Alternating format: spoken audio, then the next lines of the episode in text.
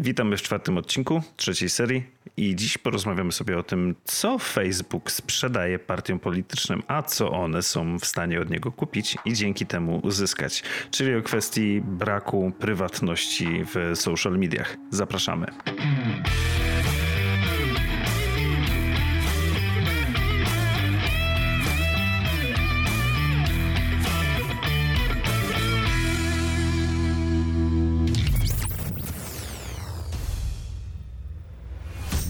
Właśnie podcast, czyli Daily Web na mikrofonie.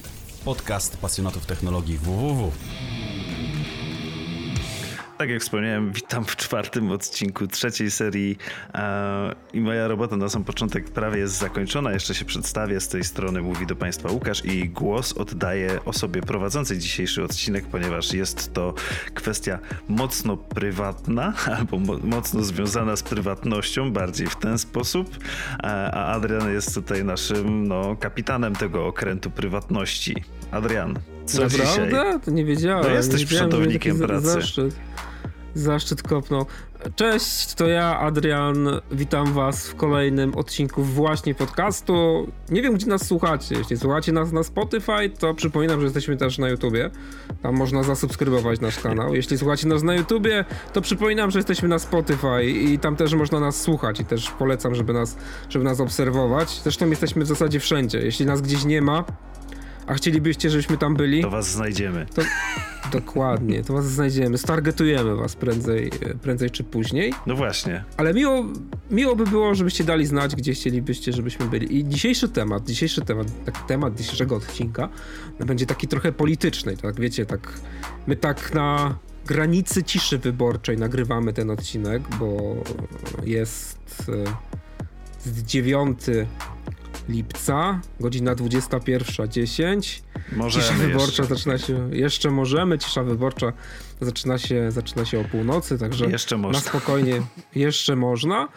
Dlaczego taki temat? Wiecie, to nie jest tak, że dzisiaj, do dzisiaj, tego 9 lipca, to nie, to nie będzie tak, że tego 9 lipca ja albo Łukasz będziemy się zwierzali e, z naszych e, politycznych przekonań, albo teraz będziemy agitowali za Nie? tym, za jednym, za drugim. Nie, nie, za, za jednym, za drugim. Czy, także oddaj te pieniądze z komitetów wyborczych.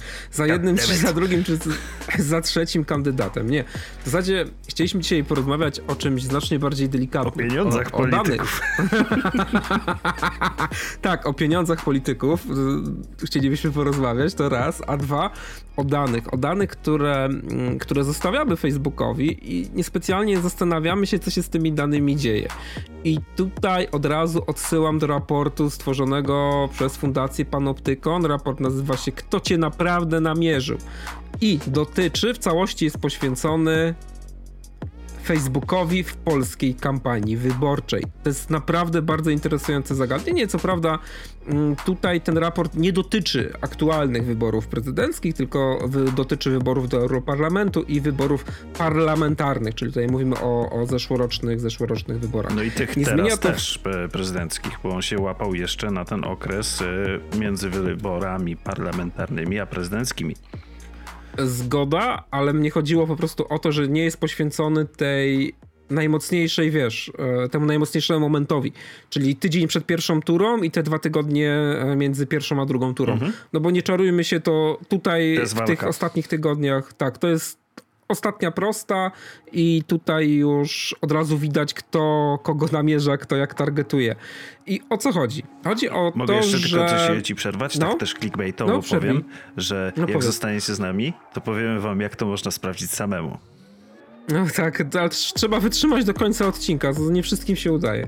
Pozdrawiamy. Pozdrawiamy Łukasza, jak to Łukasz powiedział przed odcinkiem.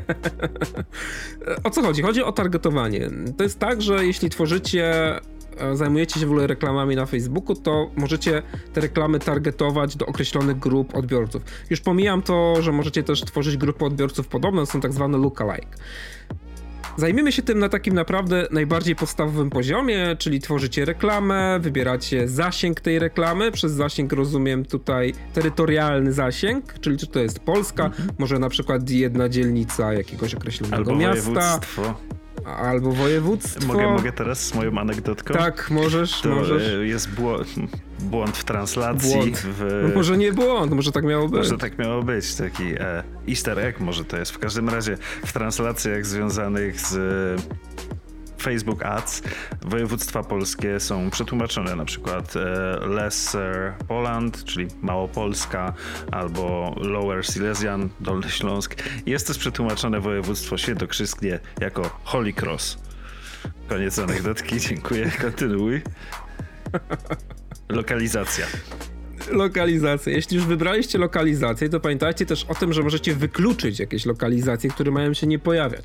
I powiem wam, że na przykład ten trik e, z wykluczaniem lokalizacji stosuje się w momencie, gdy jakieś firmy e, robią testy AB i mają jakieś demo, po prostu gamingowe. Firmy gamingowe tak bardzo często robią, że niekoniecznie chcą, żeby fani ich produkcji dowiedzieli się, że pracują nad jakimś nowym projektem, że coś tam dłubią. Wtedy wykluczają te najwyższe te lokalizacje, te państwa, gdzie tych fanów jest najwięcej. To i tak prędzej czy później przecieka, ale to się naprawdę bardzo rzadko, bardzo rzadko zdarza, bo ten system Facebooka, on jest piekielnie precyzyjny. I zaczynacie od lokalizacji, potem na przykład określacie grupę wiekową, co też jest bardzo ważne, no, No, bo to w są końcu takie przygotowujecie podstawowe. kreację. Ale to, to, to, to nie jest tak, że wiesz, ja to wiem i, W sensie, i ty to nie wiesz. chodzi mi o to, że my to wiemy, tylko że to są takie podstawowe dane, które bardzo duża ilość ludzi Tak. podaje po prostu w Facebooku. Tak, tak, a teraz przechodzimy do czegoś najciekawszego. Nawet możecie tam zacząć targetować pod kątem zainteresowań. Czy interesuje was płaska ziemia, czy interesuje was spisek reptilian w Polsce, a może po prostu Katolicy. ciekawią was katolicy? Tak, reptilianie, katolicy tak przeskoczyli. Szukałem jakiegoś, wiesz, żeby jakoś tak nie, bezpiecznie chodzi, mi- chodzi mi o to, przeskoczyć. że wiesz, jakby patrząc na e, grupę mm, 18-24, to są osoby, które bardzo rzadko grupę? podają, wiesz, Łukasz? wyznanie.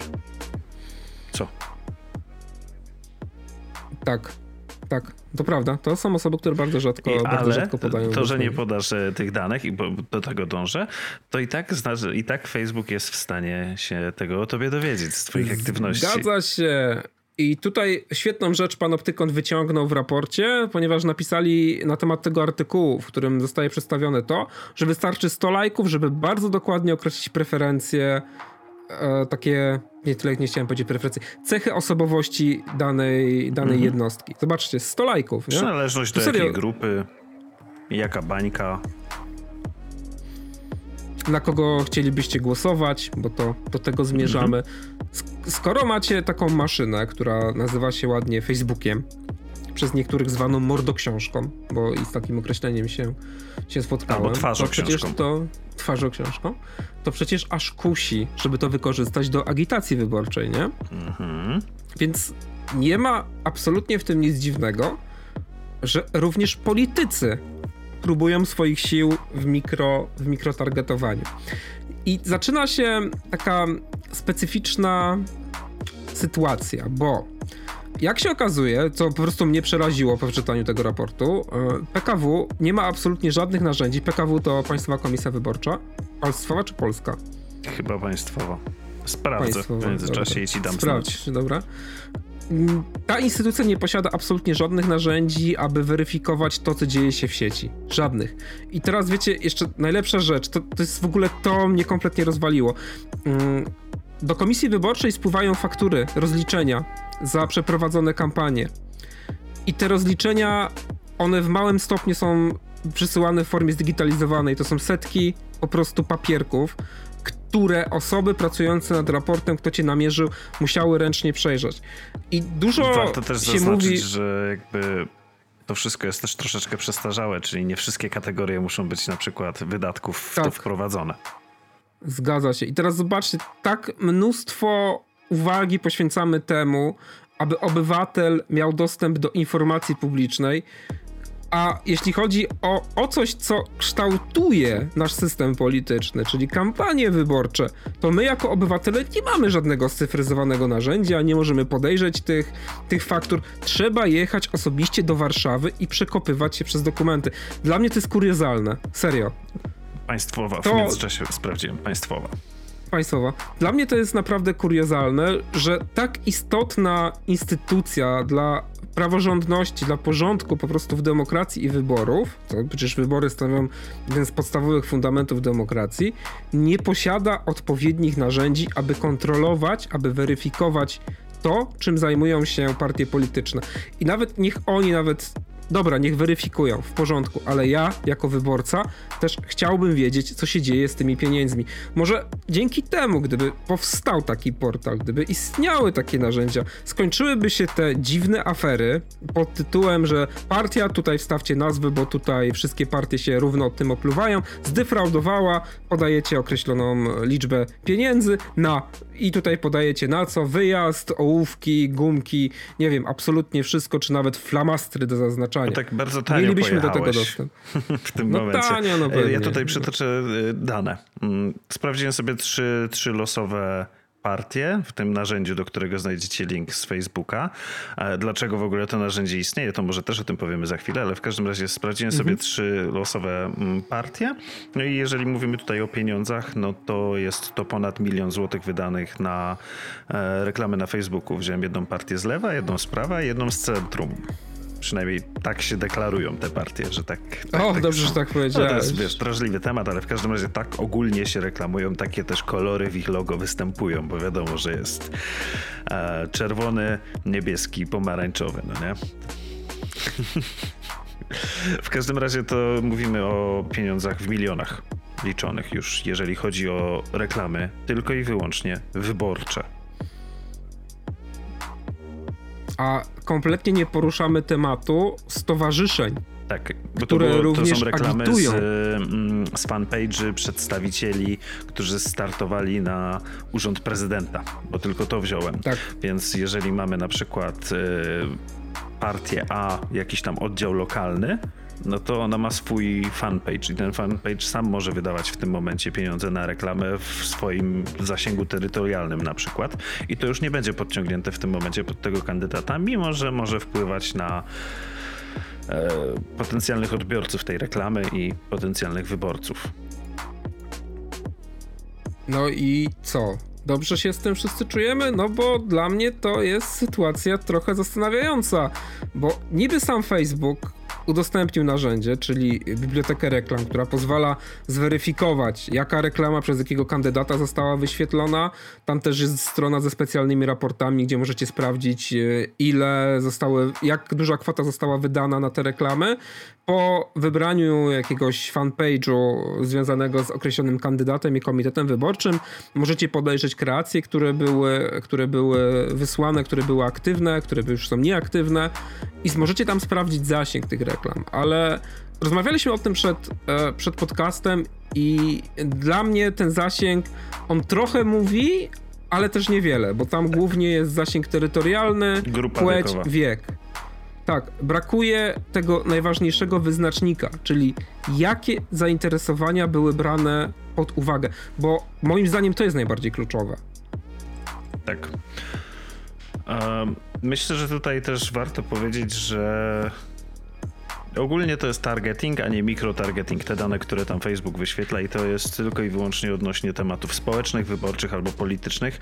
Takie jakby możemy podglądnąć każdy fanpage i dowiedzieć się, czy używają reklam Facebooka i zobaczyć te reklamy, ale nie dostaniemy już informacji. To te, tego typu informacje są dostępne tylko i wyłącznie właśnie dla tych tematów społecznych, wyborczych lub politycznych, jak to Facebook tutaj e, określa. I to jest właśnie między innymi to, na co z walczy Panoptykon i też poniekąd Unia Europejska, aczkolwiek dosyć opieszale, żeby większość tych danych była jednak dostępna, bo Facebook zbiera no nie wiem nawet jaki mnożnik tutaj dać, jeżeli chodzi o... Nie, wszystko, wszystko po prostu wszystko, wszystko, kropka. Tak jak Adrian mówił jeszcze, że mm, z, wystarczy 100 lajków. Owszem, aczkolwiek Facebook nie zlicza tylko lajki. E, jakiś czas temu, w 2018 roku to zostało wyłączone, był taki plugin do Chroma, który się nazywał Data Selfie. E, otóż firma podjęła się tego, żeby spróbować e, odwzorować algorytm Facebooka i rejestr mogliśmy sobie zainstalować ten plugin do naszego Chroma. On zbierał informacje tylko lokalnie, nie były one nigdzie wysyłane do tej firmy, jedynie co to używali bodajże IBM Watson jako e, silnika do sztucznej inteligencji i przetwarzali tak naprawdę to, co robi robimy na Facebooku i można było sobie podglądać na przykład y, wyczytali, jakie preferencje polityczne mamy, albo jak się zapatrujemy na pewne tematy, chociażby związane z religią. I to było przerażające, bo wystarczy tak naprawdę, nie musimy wcale rozdawać lajków. Wystarczy, że scrollujemy Facebooka i algorytm jest w stanie na podstawie tempa scrollowania zobaczyć, jakie informacje nas interesują. I jak e, złapie jakiś haczyk, to w tym momencie wrzuci nam więcej takich informacji, żeby, żeby zobaczyć, w jaki sposób na to zareagujemy. Nie zareagujemy, wrzuci innej. Tak powoli sobie zacznie nas rozkodowywać.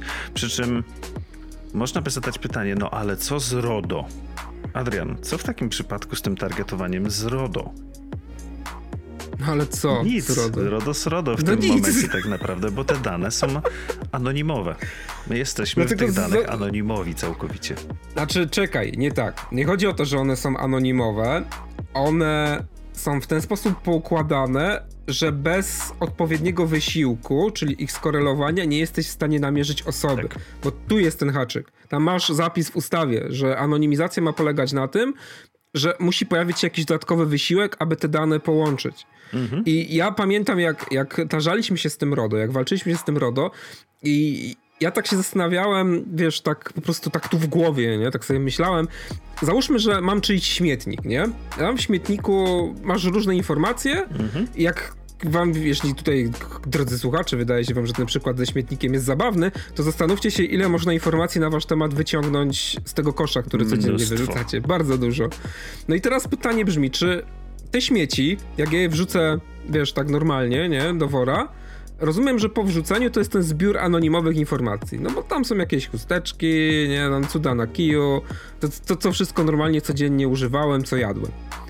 No dobra, no ale to teraz przychodzi jakiś taki typ, taki dziwny jak ja i jego zadaniem jest rozkodować tę osobę i rozumiem, że tym wysiłkiem e, do, do, do połączenia będzie rozwinięcie każdego papierka, sprawdzenie, co się na tych papierkach znajdzie, ułożenie so, tych, wiesz, tych śmieci, nie, w kółeczku. teraz, który się nazywa segregacja śmieci. ale to utrudnia troszkę zadanie utrudnia, utrudnia troszkę zadanie. No i ja po prostu zacząłem się zastanawiać, gdzie jest ta granica tego odpowiedniego wysiłku do włożenia, nie? Bo pewnie, oczywiście te dane one są gdzie. zanonimizowane. Gdzie? Granica rentowności. Granica rentowności. No tak, jeżeli no będziesz tak, na tym zarabiał, to znaczy, że ci się opłaca to robić. Mhm. I tak samo jest z Facebookiem. Opłaca mi się inwestować te miliardy dolarów w rozwój tego algorytmu i dekodowanie informacji o swoich użytkownikach, bo pieniądze od reklamodawców są przepotężne. Są, Więc się opłaca grzebać w tych śmietnikach. No. Więc ja bym powiedział, że to jest granica rentowności. To jest to, kiedy się opłaca grzebać w ludzkich śmieciach. Ale tu już rentowność może być różna. Może to być zysk dla akcjonariuszy, jeżeli na przykład jest to próba jakiejś inżynierii społecznej, e, zhakowania kogoś i dowiedzenia się o nim wszystkiego, albo chociażby włamania i poznania nawyków danej osoby, to i mogą być to zwykłe mhm. śmieci mogą. I tak, tak nieśmiało mówisz, używasz tego, tego pojęcia inżynierii społecznej, a no tutaj ten raport panoptykonu, na którym pracujemy, tak no wydaje mi się, że przedstawia taki świat, w którym ta inżynieria społeczna za pomocą marketingu politycznego to ona się odbywa normalnie na co dzień. Nie? Że jesteśmy popychani w kierunku określonych wyborów, wsadza się w nas w określone bańki tak jakby zagłusza się w nas taką potrzebę weryfikowania Bańka jest tych bardzo danych. wygodna. Bo wszystko no, ci się zgadza tak. Tak, wszystko ci się spina, nie? A jak coś złego, to płaskoziemce albo I między innymi z tym jest związany problem z krytyką jakąkolwiek, że krytyka jest odbierana jako atak. No nie? Ja tak już popłynąłem daleko, Wiesz ale jest co? to według znaczy, mnie nie, nie, nie popłynąłeś. Nie popłynąłeś daleko, bo Mm, jaki sposób, jaki ma mechanizmy obronne dostępny użytkownik, któremu wyświetla się ta, a nie inna reklama? Czy użytkownik może w jakiś sposób zareagować na od, od, od, od, tematów polityki, e, fanatko, fanatyczny e, ten mm, kolopijca i wyświetlają mu się nagle reklamy z Pepsi. No tak, ale właśnie do tego dążę. I co on może teraz zrobić, nie? Zdenerwować się. I co, napisze negatywny komentarz? Brawo, dla Facebooka to jest właśnie informacja, że wszedł w interakcję z tą reklamą. Tak, znaczy może użyć ewentualnie tego narzędzia, dlaczego to widzę i tam zgłosić, że nie chcę widzieć tego, tej reklamy. Bo Facebook no, to ma dla Facebooka też, też jest informacja. Tak, to jest informacja, ale jakby w ten sposób jest w stanie z nią, z nią walczyć. W każdym razie tutaj też chciałem e, iść w tym kierunku, że my rozmawiamy tylko w kontekście politycznym. To samo dzieje się z firmami. Firmy mają dostęp Oczywiście. do tych samych danych. Teraz tak. może troszeczkę bardziej e, odpłynę, ale Wydaje mi się, że dałoby się to odpowiednio e, skonfigurować nie tylko na podstawie danych e, z Facebooka, ale załóżmy, że zajmujesz się e, rozpromowaniem usług taksówkarskich. No nie? No. I jak można wykorzystać mikrotargetowanie naprawdę do poszczególnych osób, tak naprawdę mając dane anonimowe. Wiesz, że na jakimś obszarze zaczęło padać. Jesteś w stanie z Facebooka wyciągnąć osoby, które są w pracy, przemieściły się, używają telefonu i tak dalej. I na tym konkretnym obszarze, gdzie zaczęło padać i jest to na przykład nagły opad, te dane bierzesz z innego serwisu, serwujesz im reklamy o usługach taksówkarskich. No bo w tym momencie się możesz dostać na przykład, wiesz, do domu nie moknąc. Bądź, nie wiem, sprzedajesz parasol i w ten sposób właśnie targetujesz ludzi, wiesz, w konkretnym momencie na konkretną potrzebę tak naprawdę. Mhm. I to są dane, które jesteśmy w stanie uzyskać. I to jest naprawdę mało skomplikowany przykład. Tak, to prawda. To jest taka rzecz, gdzie można to wyklikać w kilka sekund, zakładając własnego, własnego fanpage'a tak. i uzyskując dostęp do tych. Trzeba poświęcić po prostu trochę czasu, żeby przeglądnąć narzędzi. te ponad tysiąc już, bo teraz Facebook ma ponad tysiąc różnych czynników, które są w tym algorytmie. Określających tak, i tam można na, naprawdę rewelacyjne rzeczy z tego powyciągać, ale Facebook też tak jakby zakłada, że ty jako osoba, która tworzy tę reklamę, już mniej więcej wiesz, co chcesz osiągnąć, nie? Mhm. Że wiesz, nie jesteś w tym takim gąszczu informacji się przez niego, przez niego przedzierasz, gdzieś jakoś z tyłu głowy już masz gotowy, gotowego tego odbiorcę, e, zastanawiasz się nad tym, jaka ta reklama ma, ma osiągnąć efekt, czy, czy to ma być reklama, która będzie konwertowała na wejścia, czy to ma być reklama, która będzie konwertowała na sprzedaż, to są zupełnie inne podejścia i też trzeba się liczyć z tym, że tej, jeśli chodzi o te podejścia, trzeba inaczej planować e, pojawienie się tej reklamy mhm. na inne pory dnia, na inne pory nocy. Na, in, na lokalizację to już niekoniecznie, ale jeśli chodzi o zainteresowania, to tutaj warto, warto, to fajnie, warto to fajnie wyważyć i dobrze się zastanowić nad tym, jaki chcesz osiągnąć efekt. Więc jesteśmy śledzeni i notabene na jednym z fanpage'ów rezydenckich to idealnie widać, w sensie osób ubiegających się o, o urząd, mm, ponieważ jest e, z Adrianem przed, e, przed nagraniem podcastu przeglądaliśmy. Jeden z kandydatów ma aktualnie, tak jak przypominamy, za 2,5 godziny wchodzi cisza wyborcza, więc to wszystko musi być ściągnięte do tego czasu. E, w każdym razie ma około 200 aktywnych reklam, każda z budżetem poniżej 100 zł to już zaczyna podchodzić pod mikrotargetowanie. Konkretne grupy społeczne w konkretnych lokalizacjach. I tu nie chodzi nam no o takie informacje jak na przykład, że tylko w kobiety w województwie śląskim albo tylko w mężczyzn w województwie nie, nie, mazowieckim. Te dane nam Facebook pokaże, że w ten sposób była skonfigurowana reklama, ale nie pokaże nam tej, powiedzmy tych 998 innych czynników. E, oczywiście tam które również brały w tym udział. Tak, nie? Te, te, te, liczby w tym momencie oczywiście są nietrafione, ale chcę tutaj pokazać tylko przykład, jak wiele jest jeszcze ukryte z jednej strony, a z drugiej strony całkowicie dostępne. Jeżeli chcemy wydać, nie wiem, nawet 5 zł na reklamę w fejsie, to mamy dostęp do tego wszystkiego. No tak, ostrzała. Tutaj absolutnie e, po prostu narzędzia są dostępne dla wszystkich. To nie jest żadna czarna magia. Póki tu co. nie ma żadnego jakiegoś. No póki co, tu nie ma żadnego paywalla, przez który trzeba przejść. Wystarczy posiadać konto na Facebooku, założyć sobie nawet fanpage, którego nikt nie będzie, nie będzie żadnych fanów, zero, i już uzyskuje się dostęp do tych narzędzi biznesowych. Mhm. I naprawdę sam z tego skorzystałem między innymi kiedyś przy, jak chcieliśmy sprawdzić jak działają algorytmy Facebooka właśnie, ale to było jeszcze jakieś 3-4 lata temu, więc to było o wiele bardziej ograniczone w stosunku do tego, co jest teraz. Nie było takiego power editora rozbudowanego. W każdym razie już mhm. wtedy dało się osiągnąć naprawdę świetne e, konwersje za bardzo niskie pieniądze, no bo myślę, że to nie będzie tajemnicą. Jeżeli chcemy pozyskać nowych fanów naszego fanpage'a na Daily Webie, no to jaka jest jedna z prostszych metod? Stargetować fanów innych podobnych fanpage'y, na przykład konkurencyjnego Spidersweba, czy Antyweba, czy nie wiem, e, Komputer Świata, PC Wordu i tak dalej. Po prostu bezpośredniej konkurencji w tym momencie, bądź nawet pośredniej, bo ci ludzie już mają, już tak naprawdę mamy odfiltrowane mnóstwo informacji o tych ludziach. No i w ten sam sposób można mikrotargetować później, jeżeli się to weźmie na wyższy poziom.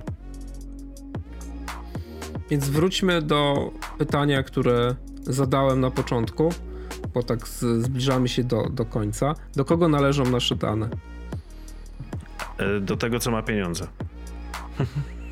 A czy te dane nie przypadkiem one nie powinny należeć do nas? Czy to nie my powinniśmy decydować, co się z tymi, co się z tymi danymi dzieje? Bo wiesz, mnie po prostu drażni to, że pod płaszczykiem wygody sprzedaje nam się nie tyle jakiś brak prywatności, ile tworzy, stajemy się takim, szukam dobrego słowa, ale zasób nie wiem, czy to jest dobre słowo. Myślę, że bo... warunek skonstruowałeś na odwrót. Mówisz? No, no bo sprzedaje się nam wygoda. Tak, ale jednocześnie my też jesteśmy, my też jesteśmy eksploatowani, mhm. żeby te wygody no, nam, produkt nam jest sprzedawać. Darmowy, to ty jesteś produktem. No i właśnie, ale jednocześnie też jestem klientem, nie? I to jest taka dziwna relacja, e, którą jak próbuję sobie ułożyć w głowie, to cały czas zastanawiam się, jakim cudem się w to wciągnęliśmy, wiesz?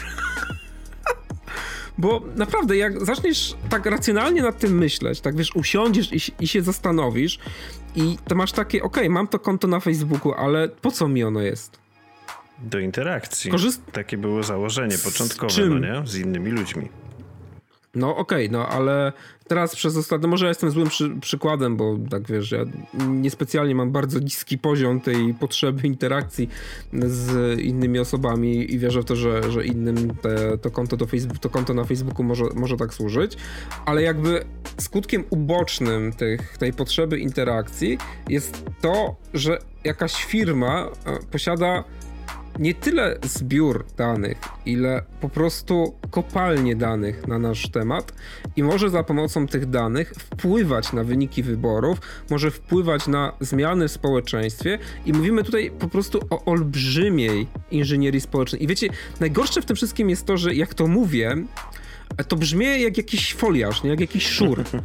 ale jak, jak się poczyta o Cambridge Analytica, o tym w jaki sposób ustawili wybory Trumpa w Stanach Zjednoczonych, czy ustawili, nie zostało udowodnione, nie? więc tutaj przepraszam, może nie ustawili, ale jak wpłynęli na te wybory, jak wpłynęli na, na Brexit, to się nagle okazuje, że te foliarskie teorie, ta cała teoria spiskowa związana z wpływem social mediów na, na naszą codzienność, to wcale to nie jest takie odjechane. Mogę tutaj nie? coś dać jako przykład świetny?